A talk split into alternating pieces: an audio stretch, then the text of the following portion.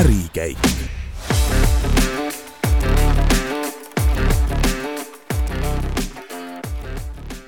tervist, head kuulajad! täna on siis eetris Geeniuse podcasti Ärikäik, viies osa. saatejuhtideks on Gert Tavasalu, mina ja Berta Kortfelder. mina. külas on meil täna aga Mikk Rajaver, kes veab Pokebowli. tere! Nemad on äsja välja tulnud ka plaaniga, kuidas frantsiisiga Eestist kaugemale laieneda. Aga eelkõige ja kõigepealt äkki tasub tutvustada sellisele lihtsale maainimesest kuulajale, et mis asi üldse see Pokebowl on? mis on Pokebowl? see küsimus on äh, ka mind ennast äh, pannud mõtlema pikki aastaid, et kuidas seda nüüd äh, kiirelt kirjeldada. mina ütleks, et selline pokekauss, kausi kontseptsioon on üks väga hea, kiire ja värske tervislik kiirtoit. et ta on pärit Hawaii'lt, muidu see toidustiil saigi alguse sellest, et see oli, et ki-, kiiresti pandi äh, komponendid kaussi kokku ja see poke sõna tähendas siis kuubikuteks lõigatud kalaäkist. et toores kala, toore kala kuubikud sinna peale ja oligi selline kiire toit. ja riis äh, on levinud selle äh, põhi alusena, mis annab süsivesikud ja muud siis komponendid äh, on sarnased näiteks Jaapani toidukultuurile.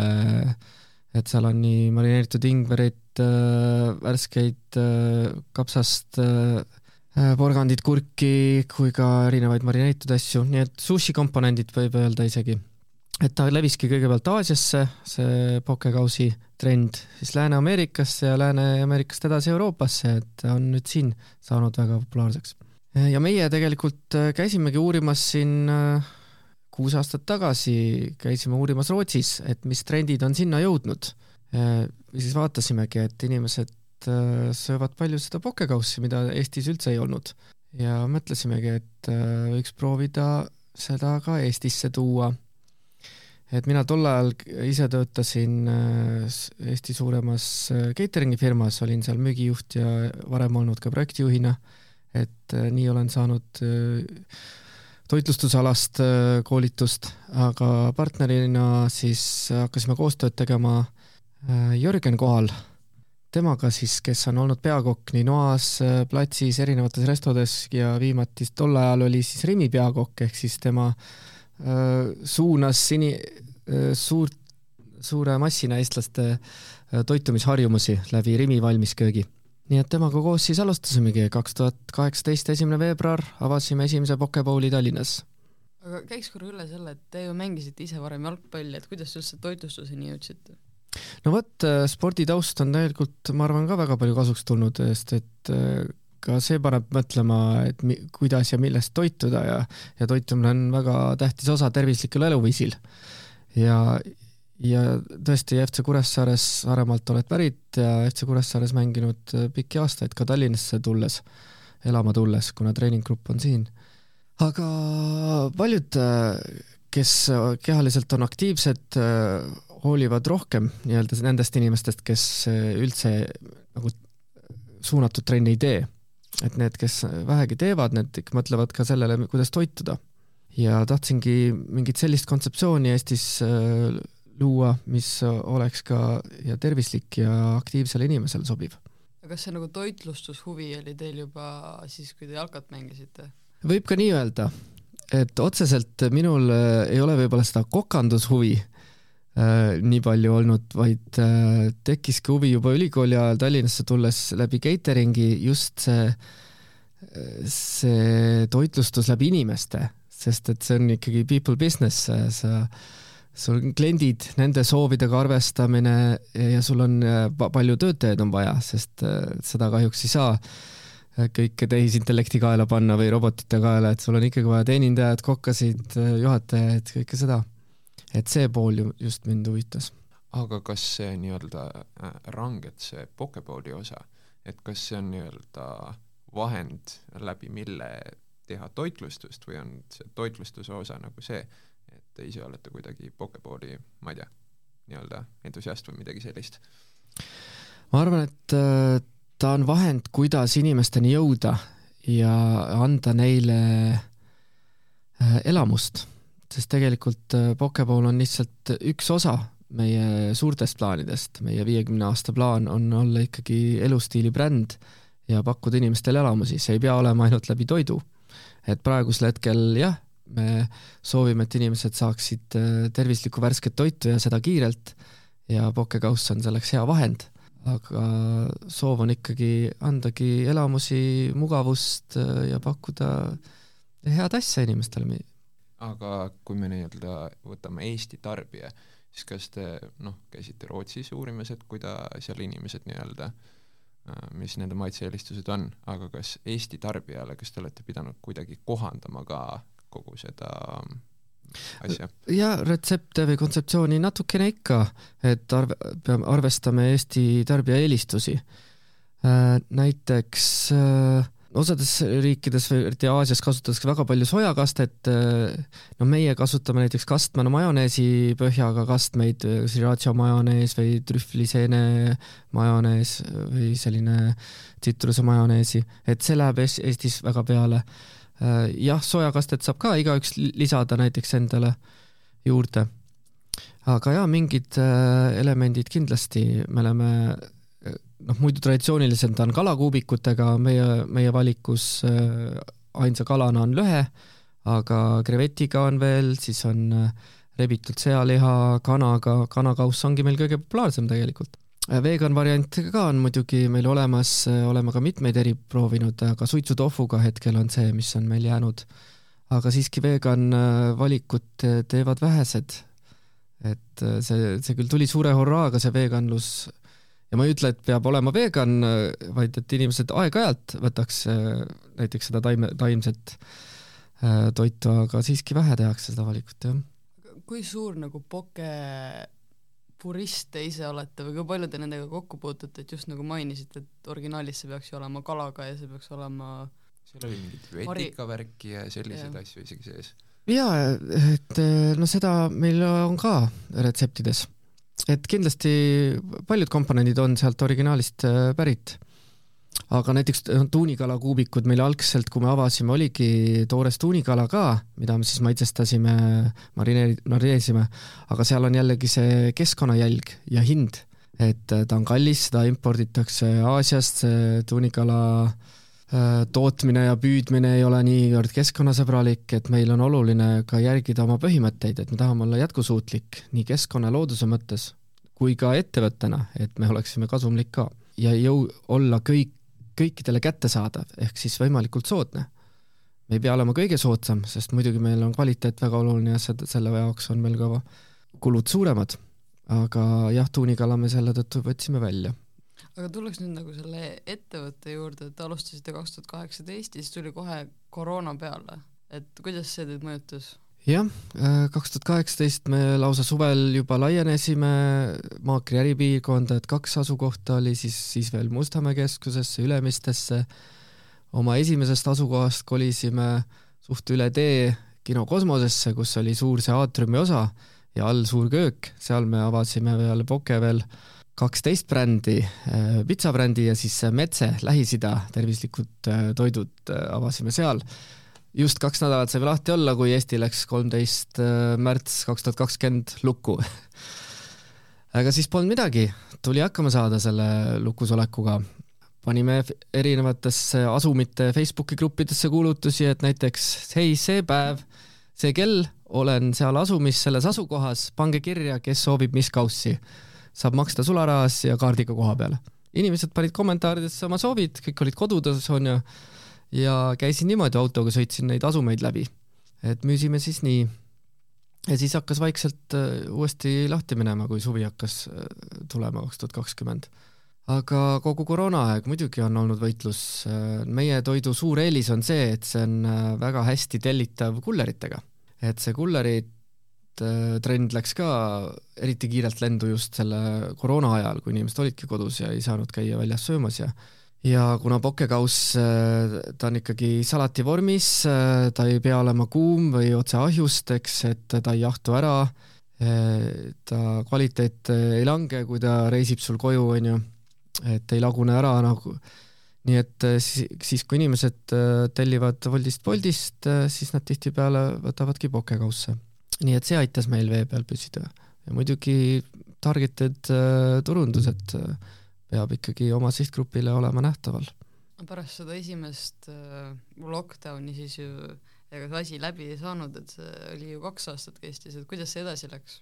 no jaa, need kaks aastat äh, olidki natukene keerulisemad, et äh, noh, laienemisplaanidele see pani pausi mingiks ajaks, kino Kosmose osas ka uued omanikud soovisid seda pinda ise kasutada, kuigi senini on see maja nüüd tühi ja nüüd on ka müügis et kahju muidugi sellisest ägedast majast, aga saime üle tee, saime uue pinna, äh, et kolisime sinna, nii et äh, kulude kokkuhoid ja efektiivsus on see märksõna, mida me oleme rakendanud.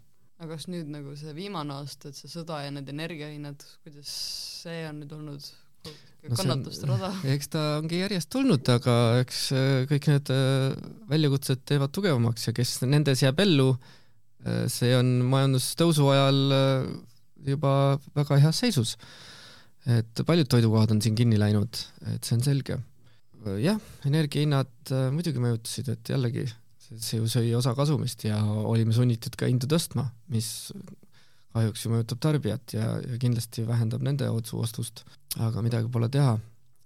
ja muidugi inimestel ka see harjumus, mis sai koroona ajal äh, kätte õpitud, äh, tellida palju Woldist, Boltist, äh, see ju kokkuvõttes läheb nende rahakotist, sest kui toidukohad maksavad kakskümmend viis, kolmkümmend prossa komisjoni Woldile, Boltile, inimene lõpuks maksab ju selle ise kinni läbi toiduhindade, et toidurestod on sunnitud lihtsalt hindu tõstma, kui nii palju läheb läbi kullerplatvormide ja, ja nii palju peavad maksma komisjoniks et kui vähemagi võimalik, inimesed, äh, tulge välja, minge kõndige viis minutit lähima toidukohani, minge koha peale sööma või helistage neile ette, kui tahate kaasa osta, teevad valmis, lähete lihtsalt järgi, maksate koha peal. aga võib-olla, kui sellest nagu kogu selle asja äristruktuurist rääkida, siis teil on, eks ole, olid eraldi nii-öelda tööjõu ja kõige muu jaoks nagu eraldi ettevõtted.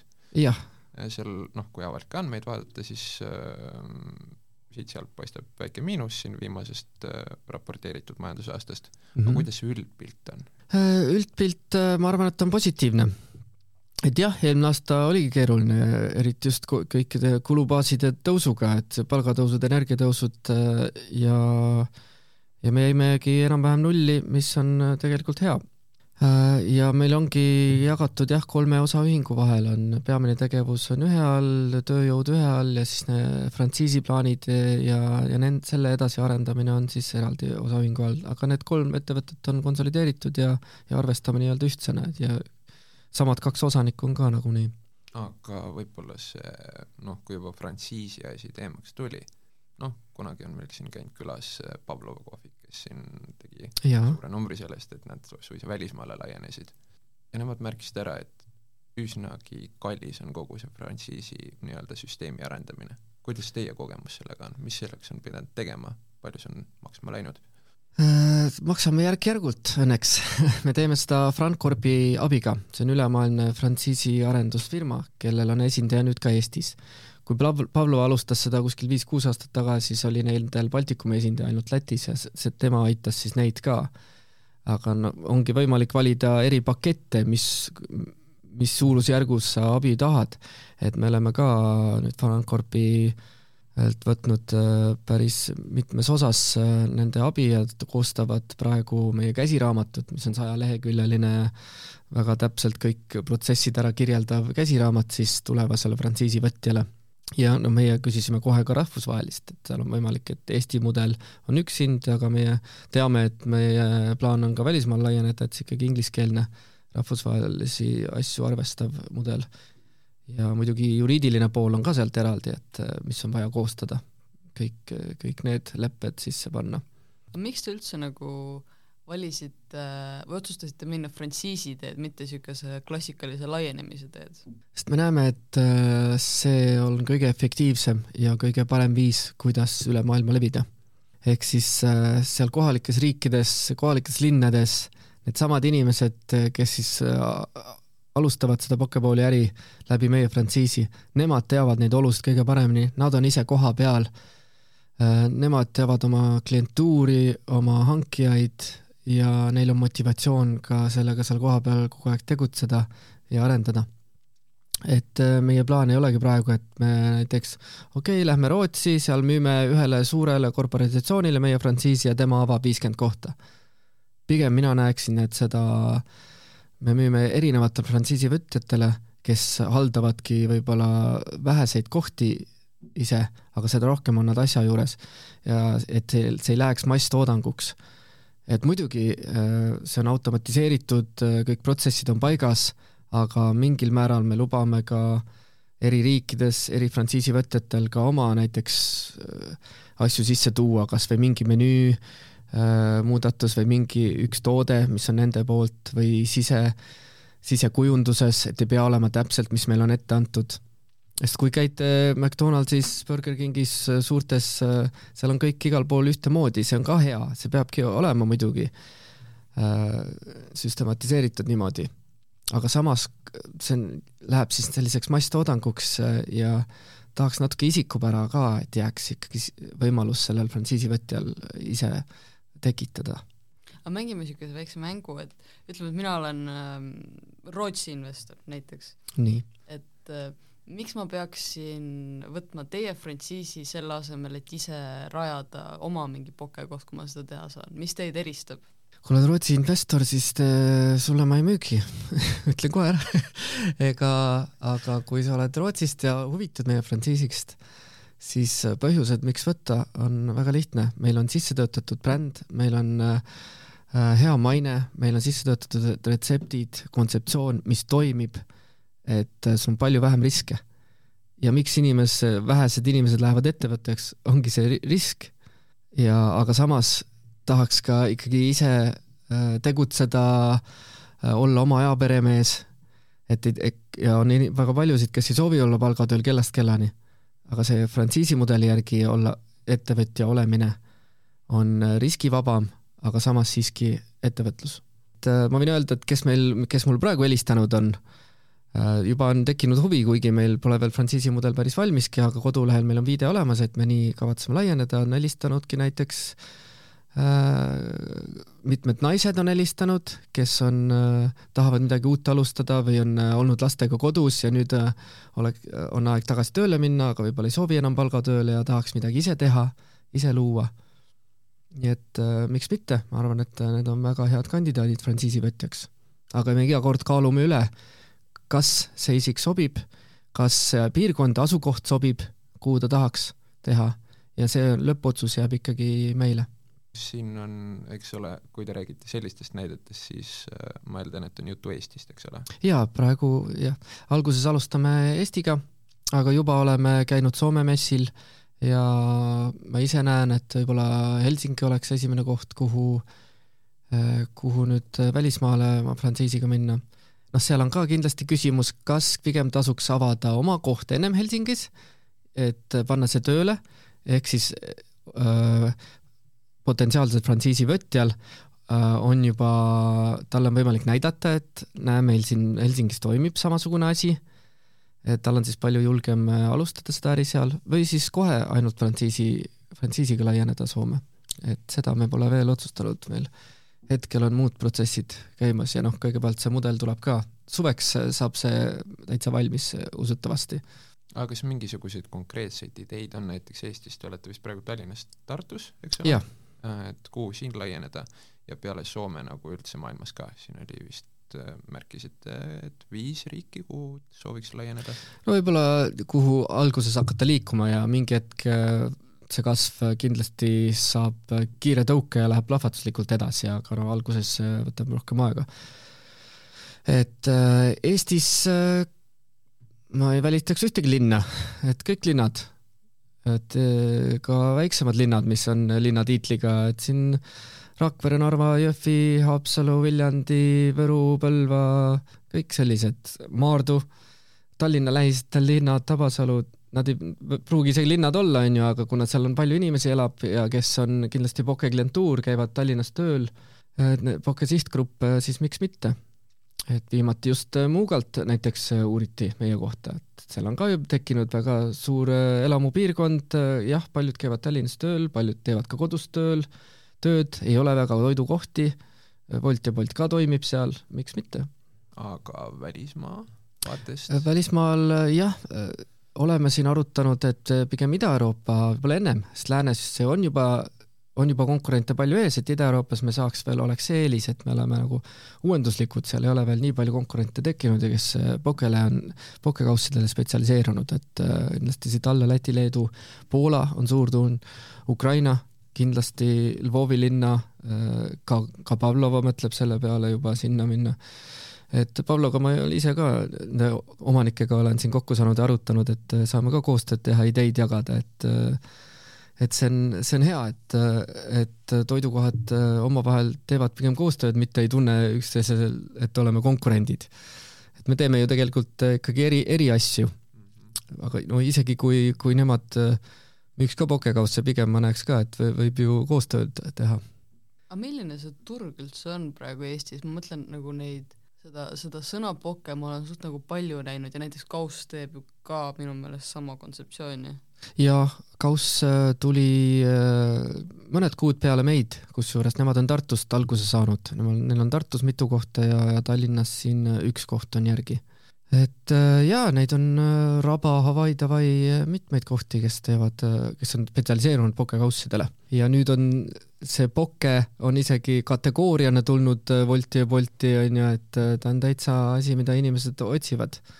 Mis on väga hea, ma arvan, et tervislik kiirtoit on tore, et see peale läheb, sest et kui, kui võtta muu kiirtoit, siis see on kas saiaga või on ta fritüüritud toit, et muud moodi väga kiirelt ei saa, aga mis see sai ja, ja fritüürirasv tegelikult inimesele annab, väga palju vajalikke aineid ju ei saa sealt aga milline on üldse niisugune teie peamine klientuur, et kas see on nagu, ma ei tea, kontoriinimesed, kas on sportlased, kas on mingi niisugused Aasia toidufännid näiteks? kolmekümne kuue aastane Laura, kes töötab äh, kontoris, äh, on sportlik, äh, hoolib oma kehast, tal on mitmeid hobisid, palju sõpru ja kaks last.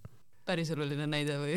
see on päriseluline jaa, et me oleme siin teinud ka sellist uuringut, kes on selline meie tüüpkliendi profiil.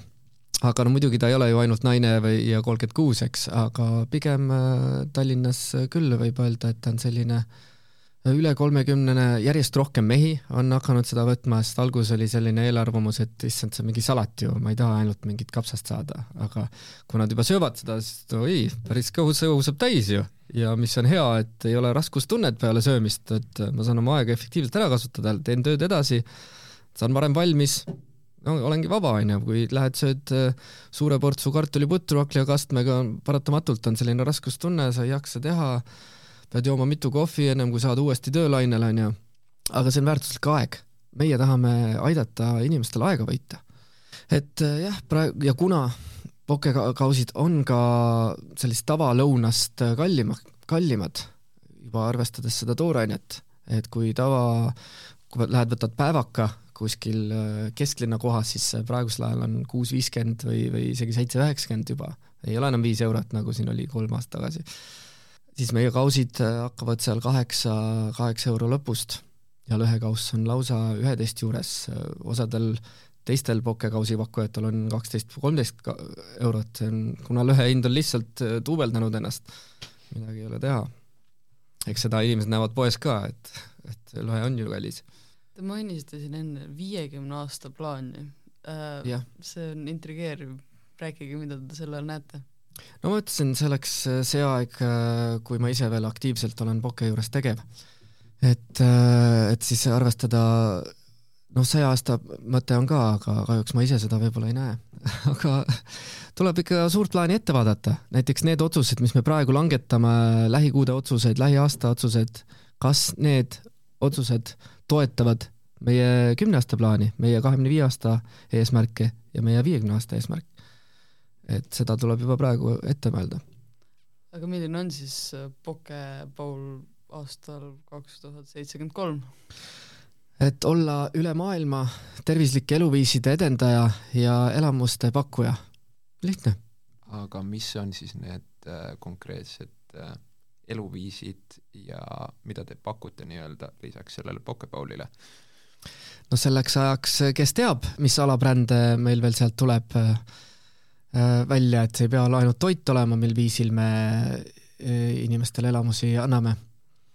et seda me ei ole nii kindlalt veel paika pannud, hetkel me keskendume toiduga laienemisele ja, ja tervislike elamuste pakkumisele, kuid selleks ajaks, kes teab, aga muidugi kõik see, mida me pakume, peab toetama meie enda äh, visiooni, meie enda äh, eesmärke. me tahame olla jätkusuutlik, hoida ka loodust äh,, tahame olla inimestele kättesaadav, see tähendab nii hinna poolest kui ka asukohtade poolest. tahame hoida neid väärtusi, mis on meile olulised, meile ja meie töötajatele ja sest need saavad ka meie klientide, meie kliendiks tulevadki inimesele, kes väärtustavad samu asju aga võtame natuke hoomatava nagu ajaperioodi, et kus te olete viie aasta pärast? oleme rahvusvahelised. Viie aastaga viis riiki on meil hetkel plaanis. et äh, vähemalt viies riigis. aga tõesti, see ei ole, et me nui neljaks nüüd peame selle saavutama teiste asjade arvelt, et kui me peame laienema millegi muu arvelt, äh, siis, siis me seda ju ei tee. et, et see peab olema nüüd viis riiki, aga, aga eesmärk kindlasti on, jah aga kui siin võtta veelgi nagu lähedasem vaade, siis äh, kas te oskate nagu öelda, kuidas teile praegu tundub, et äh, kuidas see uue valitsuse näiteks maksupoliitika teid kui ettevõtet üldse mõjutab?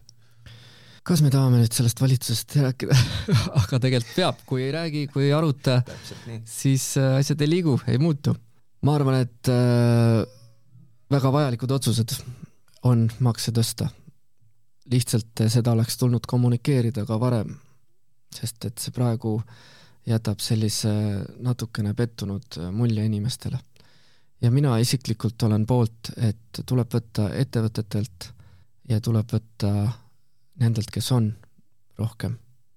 ja valitsuse nõuanne, te ei pea leiutama ju reaalratast, võtke, vaadake need mudelid, mis on Lääne-Euroopas, Skandinaavias tehtud, need otsused, mis on tehtud ja mis on toiminud ärge tehke neid, mis ei toiminud ja, ja ongi, saate kasutada sealt seda know-how'd. aga praegused otsused kahjuks jah, need, need mõjutavad igat tavainimest, palgatöötajat kõige rohkem, et käibemaks ja tulumaksu tõusmine, tõstmine. kindlasti väga hea otsus on äh, tõsta või tekitada automaks, et ei ole mõtet tekitada mingi Tallinna kesklinna või südalinna maks äh, et inimene, kes äh, ostab kalli auto, millel on võimas mootor, mis saastab rohkem keskkonda või võimsuse pealt, siis maksabki lihtsalt äh, seda maksu, et ta võib, tal võib see luksusauto Viimsi suures hoovis kodus ka seista, teeb kodus tööd, ta ei pea kesklinna sõitma, aga kui ta tahab uhkustada või tahab suure autoga olla, siis äh, maksab selle pealt ja tal ei ole mingi probleem selle pealt maksta. ja kindlasti turismimaks, mida omavalitsus saavad kehtestada ja siis ei lähe need äh, vallad pankrotti ja Haanja suusakeskust ei panda kinni rahvale ja noh, ongi võimalus neil hotellides maksab see turist üks euro, kaks eurot rohkem, ta ei märkagi seda. see Eesti siseturist enamuses siis maksab seda muidugi, sest et neid on kõige rohkem, aga see ei ole mingi suur kulutus. aga kui me tõstame tulumaksu inimestel, siis seda tuntakse ja käibemaksu, siis kõik hinnad tõusevad. et paratamatult ettevõtted peavad tõst-, tõstma ja mina kui ettevõtja olen selle poolt, et ettevõtetelt äh, ka võtta rohkem maksu.